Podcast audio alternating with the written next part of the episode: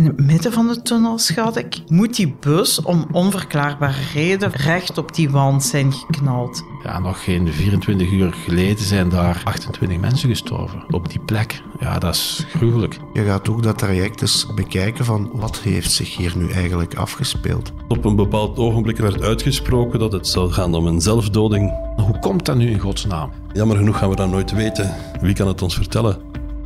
België is in rouw nadat op dinsdagavond 13 maart 2012 28 kinderen en leraars van twee scholen uit Lommel en Heverlee om het leven komen bij een buscrash in de Zwitserse Sierre-tunnel. Basisschool Het Stekske in Lommel-Kolonie draagt de zwaarste tol. 15 kinderen en twee begeleiders sterven tijdens de klap. Heel wat anderen zijn zwaar gewond. Terwijl de ware omvang van de ramp stilaan doorcijpelt in de hechte gemeenschap van Lommelkolonie, rijzen er grote vragen bij hoe dit vreemde ongeval is kunnen gebeuren. Van de Bijbelse apocalyps tot Hollywoodfilms over allesvernietigende catastrofes. Al sinds het begin der tijden rijgt de mensheid haar bestaan aan elkaar met rampspoed, in alle mogelijke vormen en gedaantes. Onbedwingbare natuurkrachten zijn vaak de oorzaak. Maar ook het handelen van de mens zelf ligt dikwijls aan de basis van dodelijke rampen. Denk maar aan ontelbare oorlogen. Of aan de miljoenen slachtoffers van branden, explosies en andere noodlottige ongevallen met een fatale afloop. Onze provincie blijft niet gespaard, zo zal u merken in deze reeks over Limburgse rampen. Telkens opnieuw nemen we u mee naar de plek van het onheil en reconstrueren we minuut na minuut het hele gebeuren, samen met zij die erbij waren. Ik ben Geert op Teinde en ik ben graag uw gids in het rampenplan. De busramp van Sierre, deel 2. Oorzaak onbekend. Ik ben Tony Reinders, 49 eh, jaar, woonachtig te Lummen. Uh, ben de papa van Emma, ook ondertussen van Thibaut. En getrouwd met Melissa, dus uh, gelukkig gezinnetje. Emma dat was eigenlijk een, een heel vrolijk kind, heel kleurrijk. Uh, die eigenlijk op haar leeftijd al in staat was om overal een stempel te drukken. Als ze ergens geweest was, jaren later, um, herinnerden de mensen um, haar nog door haar uitspraken, maar ook haar uiterlijk. was een heel mooi meisje. Lange blonde haren, um, heel lief, bezorgd om anderen. En die kon ook uh, ja, sfeer in huis brengen. Dus uh, verkleedpartijen tot uh, lachen, moppen vertellen.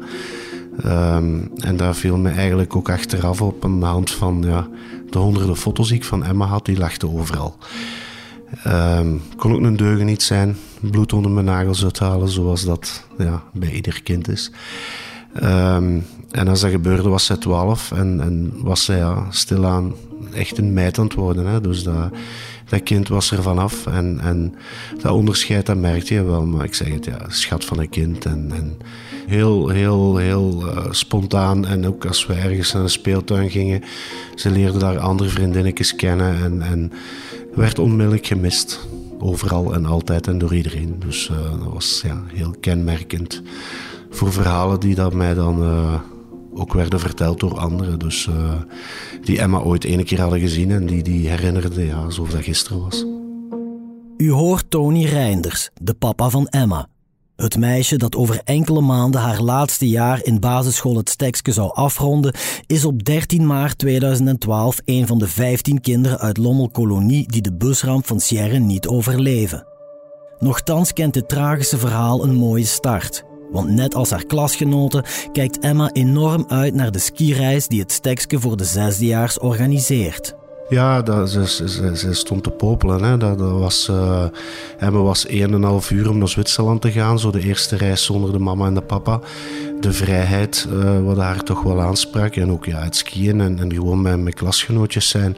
En ze hebben daar het hele schooljaar naartoe gewerkt. De klas was ook helemaal zo'n beetje ja, in het thema van Zwitserland. Met de vlag en het land en, en het kanton waar dat ze zaten. Ook met heel wat foto's van het hotel en zo. Um, dus zij leefde daar echt enorm naar uit, ja.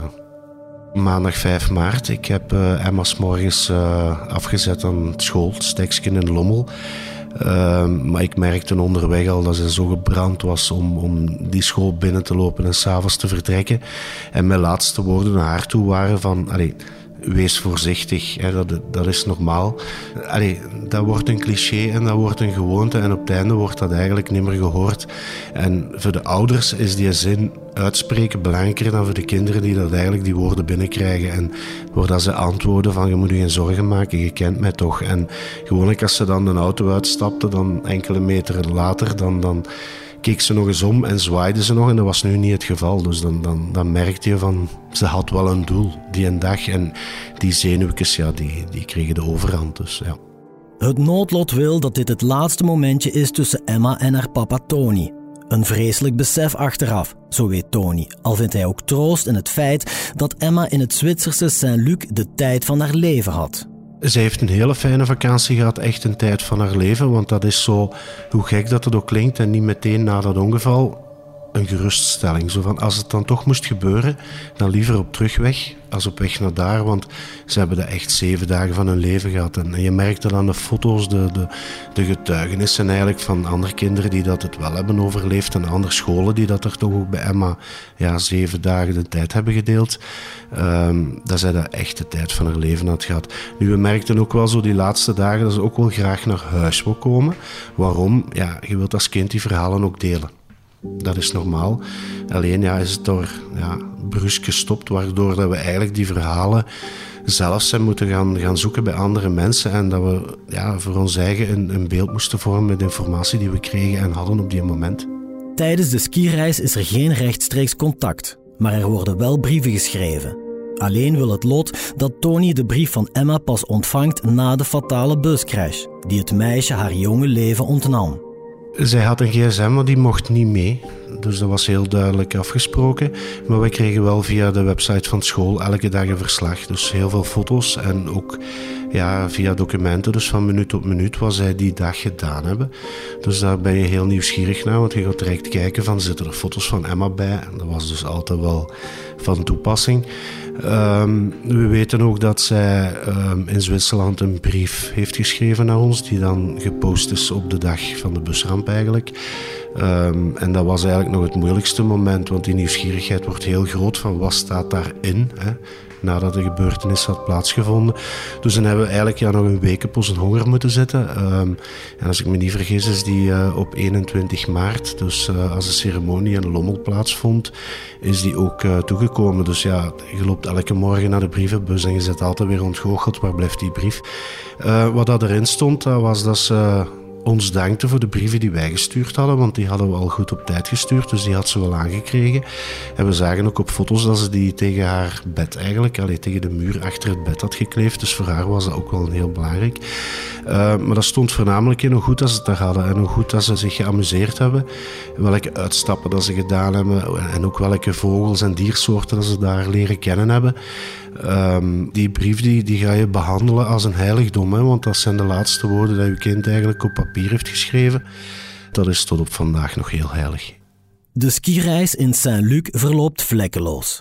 Na een fantastische vakantie maakt het gezelschap zich op voor de terugreis naar Lommel. Maar dan gebeurt plots het ondenkbare, vertelt Tony. Emma zat halverwege in, in de bus naast haar liefje, Luc. Dus ja, je hebt altijd een, in een touringbus heb je een trap waar je kan opstappen naar de achterzijde. Dus als je die trap uh, omhoog kwam, daar zat zij recht uh, tegen het raam. Nu, de bus is rond half negen vertrokken in Saint-Luc. En dan, dan heb je een, een, eigenlijk ja, constant een heel gevaarlijke afdalingen met allemaal ravijnen, heel veel sneeuw ook aan de zijkant. Um, en dan kom je beneden in, in Sierre eigenlijk aan, heb je één rond punt. Daar zijn de chauffeurs dan ja, heel vreemd van, van plaats verwisseld vooraleer dat ze de tunnel inreden. En dan halverwege de tunnel heeft de bus plotseling um, de stoeprand geraakt. En ja, is dat voertuig in die, die veiligheidsnis eigenlijk terechtgekomen tegen die Haakse muur. Um, waardoor dat ja, de snelheid van, van 100 naar 0 ging op, op, op een seconde tijd. Dus dat, is, dat is heel vreemd om, om, om dat zo te beschrijven, maar dat is wel de realiteit. De dag na het ongeval reizen de ouders van de Lommelse kinderen met een C-130 van de Belgische strijdkrachten naar Zwitserland. Zoals u in deel 1 kon horen, verloopt de communicatie door de Zwitserse autoriteiten die dag allesbehalve vlot. De meeste ouders blijven urenlang in het ongewisse over de toestand van hun kind. Pas avonds laat, bijna 24 uur na het ongeval, krijgen ze het vreselijkste nieuws dat een ouder ooit te horen kan krijgen. Um, het, is, het is heel gek hoe dat uw lichaam, als je zo'n nieuws ontvangt, in een soort van veiligheidsmodus terechtkomt. Um, stel je voor dat uw emotionele rits helemaal open staat op dat moment en je krijgt het meest slechte, het slechte nieuws dat je kan ontvangen in je leven in eenmaal binnen, dan zou je in principe zou je die moment niet doorkomen. Dus we waren voor een stuk verdoofd. Die adrenaline, ja, ik had, ik had dat eigenlijk nog nooit gevoeld en ik kan ook niet verklaren hoe dat, dat komt als je in zo'n moment leeft. Um, wij zijn s'morgens uh, terug in dat hotel moeten komen. En daar zei men van, oké, we gaan nummers trekken. En aan de hand van die nummering, dat is uw volgorde dat je naar je kind mag. Wij hebben Emma nog mogen zien. Dus kwamen we daar in een, een, een mortuarium terecht waar de 28 stoelen stonden. En op die stoelen hing de kleding van iedereen dat ze aan hadden in de bus. En dan was het onze taak om bij de stoel te staan waar we van wisten van die kleding is van Emma.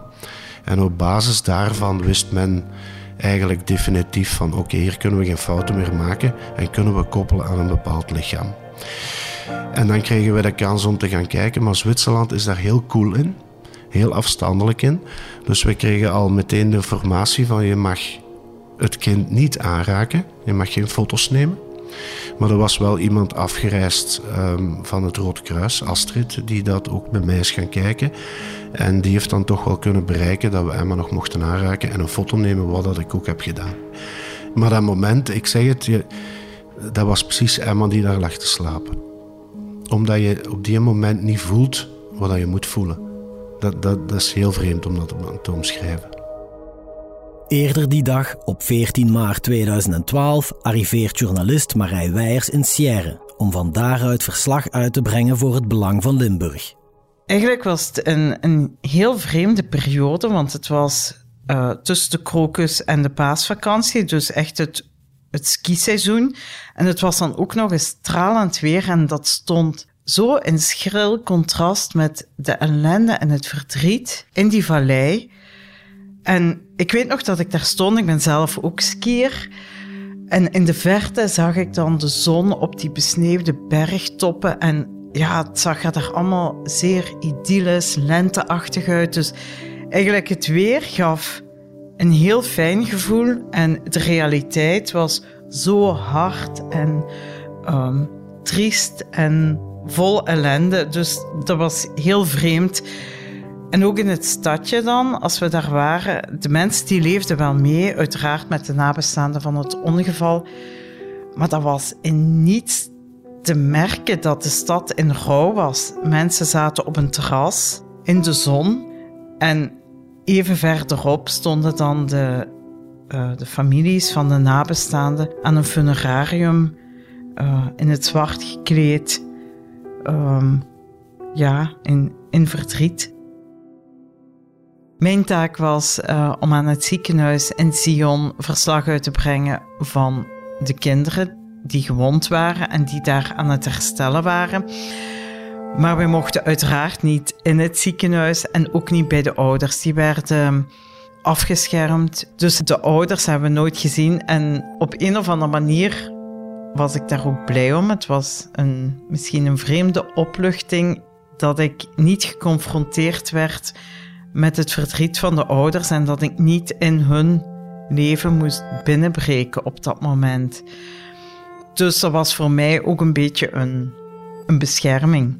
En het ziekenhuis heeft dat op een heel correcte manier opgevangen, doordat zij de artsen naar buiten stuurden om de media te voorzien van de nodige informatie, het aantal slachtoffertjes, de ernst van de verwondingen, wanneer dat er weer een kindje naar huis mocht of overgebracht werd naar een ander ziekenhuis. En op die manier hadden wij toch de nodige informatie om verslag uit te brengen.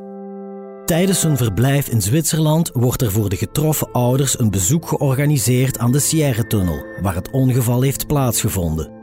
Het is tijdens dat bezoek dat bij velen grote vragen reizen over hoe de crash is kunnen gebeuren. Dat vertellen Tony Reinders en Peter van Veldhoven, de toenmalige burgemeester van Lommel, die meegereisd is met de oudergroep. We zijn er inderdaad met een, een, een bus naartoe uh, gereden. En bij aankomst, dat was, dat, was, dat was heel kil, heel koel, heel koud. Het is er ook maar 1 of 2 graden. En we hadden van de Zwitserse autoriteiten hadden we de kans gekregen om, om een witte roos mee te nemen. En daar lagen ook papiertjes zodat we een boodschap konden opschrijven. Dus dat was een beetje de symboliek wat we ook gevraagd hadden. Maar dan kom je in die tunnel toe en dan, dan loop je voor een stuk dat traject af dat de bus ook die laatste meters heeft afgelegd. En daar wordt het verschil de eerste keer duidelijk van hier leefde mijn kind nog. En ja, des te dichter dat je naar die, die ik noem dat de mottigste plaats ter wereld, die Haakse muur, dat je daar naartoe stapt, besef je dat, dat daar het verschil tussen leven en dood eigenlijk zich heeft afgespeeld. Um, en hoe gek dat dat ook klinkt, je gaat ook dat traject eens, eens bekijken van wat heeft zich hier nu eigenlijk afgespeeld. Maar ook daar ging men heel cool mee om, wat dat hier in, in België of in een echt Europees land ondenkbaar is. Bijvoorbeeld alle, alle bloedvlekken van de triage van de kinderen en de volwassenen, dat was niet opgeruimd. Dat, dat lag daar gewoon nog allemaal. En dat was zo precies zo, ja, het laatste moment allemaal georganiseerd. Maar vooral, ja, je bent op die plaats ja, het belangrijkste wat je hebt in, in je leven verloren. En dat is iemand die je graag ziet. De tunnel, dat was voor mij het eerste echt zware emotionele moment. Voor mij persoonlijk was dat, was dat denk ik de eerste echte keer dat bij mij ja, de tranen gewoon van mijn wangen liepen. Omdat dat, ja, dat was heftig, vond ik. Ja, nog geen 24 uur geleden zijn daar 28 mensen gestorven op die plek. Ja, dat is gruwelijk. Um, de ouders hebben dan, sommigen hebben dan boodschappen op de muur geschreven. En dan is er ook ja, gekeken hoe is dat ongeval hier kunnen gebeuren. En ik moet zeggen, goed, ik heb daar ook naar gekeken. Ik begrijp dat ook nog altijd niet hoe dat is kunnen gebeuren. Uh, dat is, ja, ik denk, dat, dat, kan bijna geen tweede keer meer gebeuren. Maar het besef dat daar zoveel mensen en dan zoveel kinderen gewoon gestorven zijn in zo'n donkere tunnel, ja, dat is, dat is onwaarschijnlijk pakkend. Na de ouders krijgen ook tientallen journalisten die naar Sierre zijn afgezakt de kans om de tunnel te bezoeken. Ook voor Marij Weijers, die verslag uitbrengt voor het Belang van Limburg, is het onbegrijpelijk hoe dit ongeval is kunnen gebeuren. Dagenlang had ik voor het verslag voor de krant aan het ziekenhuis in Sion gestaan. Dus eigenlijk op de plek van het ongeval, daar was ook nog niemand geweest. Daar kon ook niemand komen. Dat was diep in een tunnel. Dat was een vrij lange tunnel. Dus we waren al wel op een brug gaan kijken, maar um, ja, je kon niet in die tunnel kijken. En dan pas na enkele dagen na het onderzoek mocht de pers in de tunnel. En we werden allemaal met een bus tot in de tunnel begeleid. En dat was een heel lange tunnel, recht. En het ongeval is gebeurd ergens in het midden van de tunnel, schat ik. Waar dat een inham was. En daar moet die bus om onverklaarbare reden van de strook zijn afgeweken en recht op die wand zijn geknald. En als je daar stond, dan dacht je van hoe kan dit? Want ja, dat was niets wat het ongeval mogelijk zou kunnen maken. Toen wij in de tunnel kwamen, stond de bus er niet meer. Die was al weggetakeld uh, voor verder onderzoek. En uiteraard waren de nabestaanden eerst naar de plaats van het ongeval kunnen gaan, uh, ook onder begeleiding. En toen wij daartoe kwamen, dan was er die muur, die tunnelwand. En dat was gewoon alleszeggend. Dat was een bekraste, beschadigde wand. En daar stonden teksten opgeschreven, lagen knuffels voor, bloemen. En toen werden wij als, als journalist voor het eerst geconfronteerd met de impact en de crash zelf. En dan werd ook duidelijk aan de hand van die teksten en die bloemen hoeveel verdriet, ellende, hoeveel slachtoffers dat er waren en de impact van dat ongeval. En dat kwam ook bij ons echt binnen. Het was ook muisstil in die tunnel. Terwijl we met, ja, ik denk, meer dan 100 journalisten waren, internationaal. Dat waren verschillende bussen vol media die in die tunnel werden gebracht. Maar toen iedereen aan die tunnelwand stond, was het muisstil. Bij iedereen had dat een enorme impact. En dan is het in tegenstelling tot wat veel mensen denken dat wij uh, verslag uitbrengen van ongevallen en dat ons dat niet raakt. Maar op dat moment komt dat ook bij een journalist zeer zwaar binnen, ook al zijn we zelf geen deel van het gebeuren.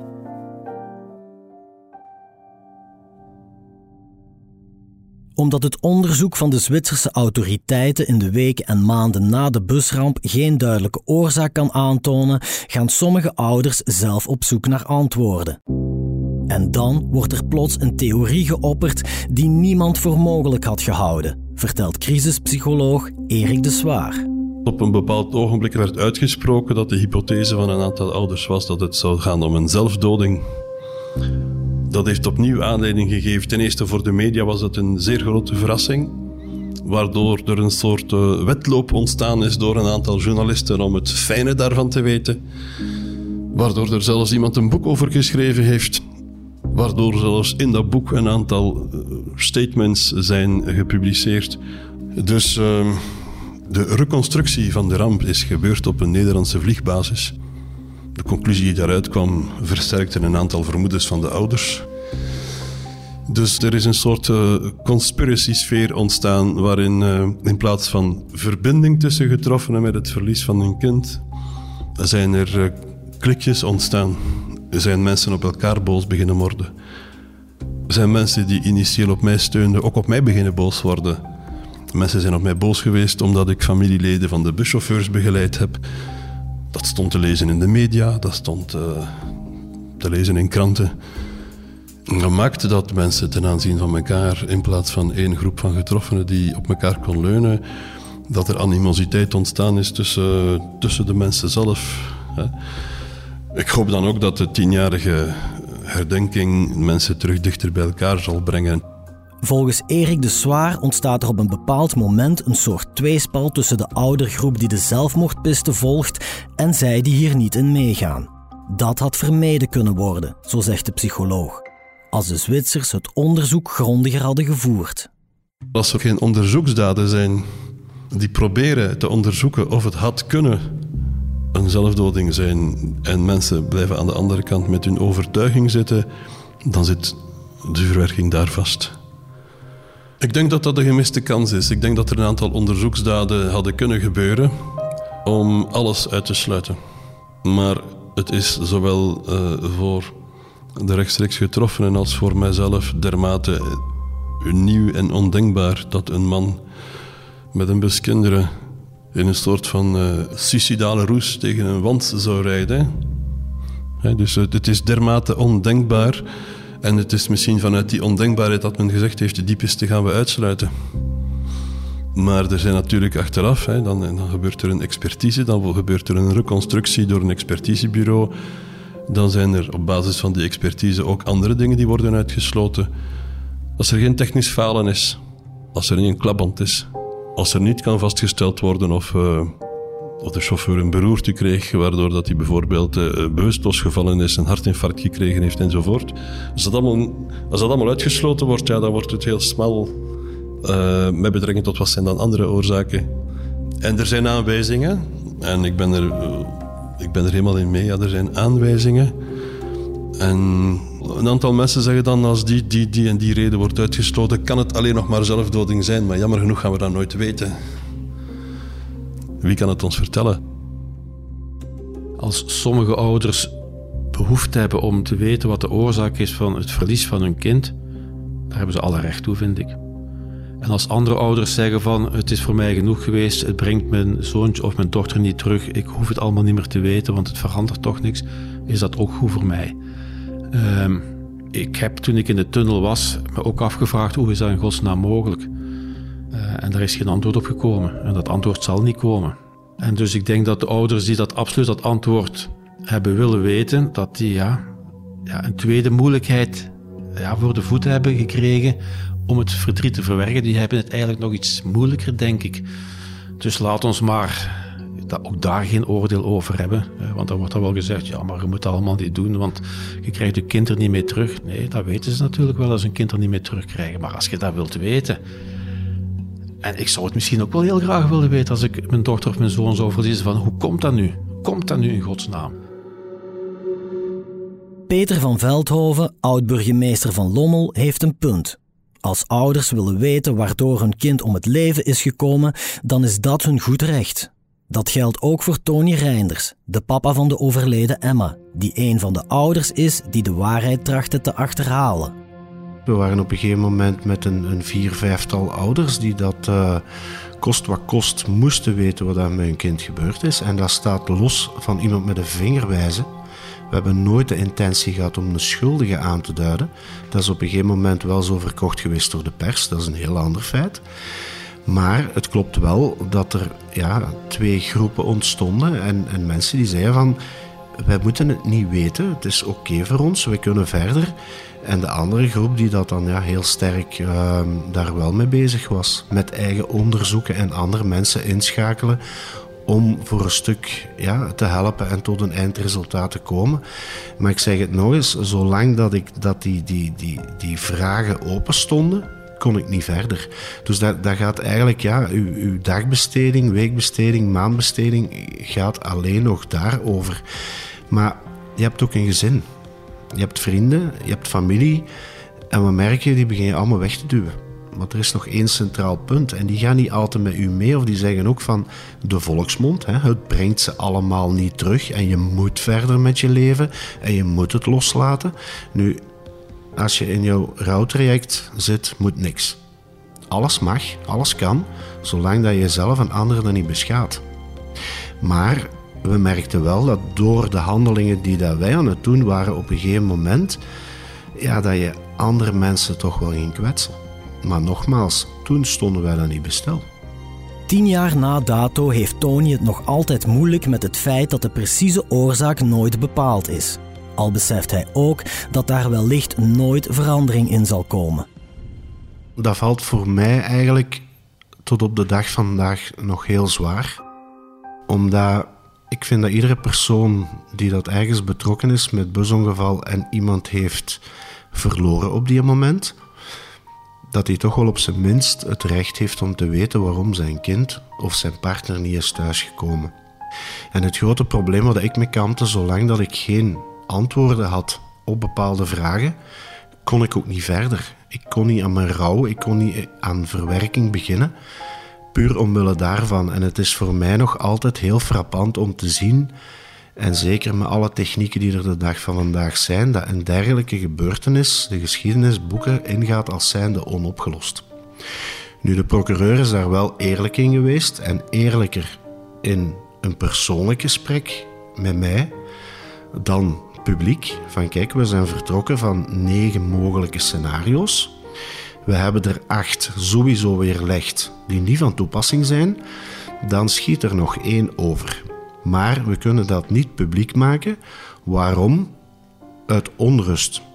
Zouden mensen hun kind nog durven meegeven met een buschauffeur op sneeuwklasse of gewoon om alle dagen naar, naar, naar school te brengen? Dus dat lag heel gevoelig. Ook en dat, die uitspraak is er effectief wel ooit geweest door de procureur ook. Het kan zijn dat, maar we hebben daar geen bewijs van. En ik begrijp dat wel, maar dan ga je zelf zoeken en dan ga je voor jezelf een soort van, van onderzoek opbouwen omdat je wilt weten wat er met jouw kind gebeurd is.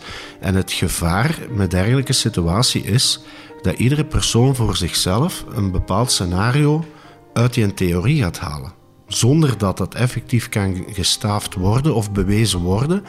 Maar de situatie is nu wel zo, tot op de dag van vandaag nog altijd, en dat gaat niet wijzigen, dat dat ook het enige is wat we hebben.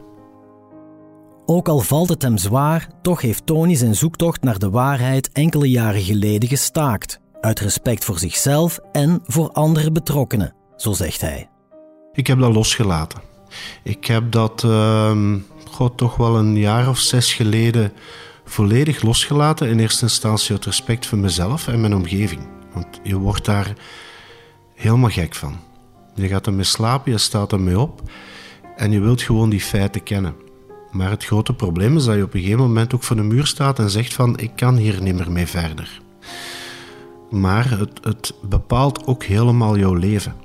En je stoot met die zoektocht, die op een gegeven moment gewoon publiekelijk gebeurt omdat je dat niet kan verbergen, stoot je daar ook heel veel mensen mee tegen de borst. Wat, wat voor mij of voor bepaalde personen belangrijk is, kan ook kwetsend zijn voor andere betrokkenen. Ten eerste maak je jezelf dan niet sympathiek door, wat dat bijzaak is, maar je gaat andere mensen ook in, in hun verwerkingsproces belemmeren die liever niet willen weten wat dat daar gebeurd is of mogelijk gebeurd is. En op die moment stond ik daar niet bij stil. Morgen in deel 3 van De busramp van Sierre. Daar hebben ze een heel pijnlijke fout gemaakt. De eerste leugen, zoals ik dat noem. Het is gewoon het moeilijkste moment in heel mijn leven geweest. De meest beklijvende gebeurtenis is zonder twijfel de begrafenisplechtigheid in de soevereine Lommel. Toen zijn de tranen gekomen. Emma is nog iedere dag aanwezig in ons gezin. Het is maar een pleister op een wonde die nooit weg is. Hè. De volksmond zegt je moet loslaten. Dat is mij nooit gelukt. Nee, verwerken kan je niet.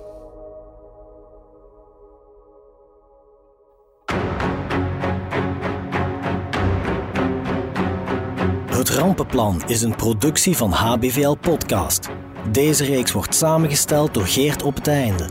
De audioproductie is in handen van Len Melot. Coördinatie door Cato Poelmans. Geert Nies is chef podcast. Reacties zijn welkom via podcast@hetbelangvanlimburg.be.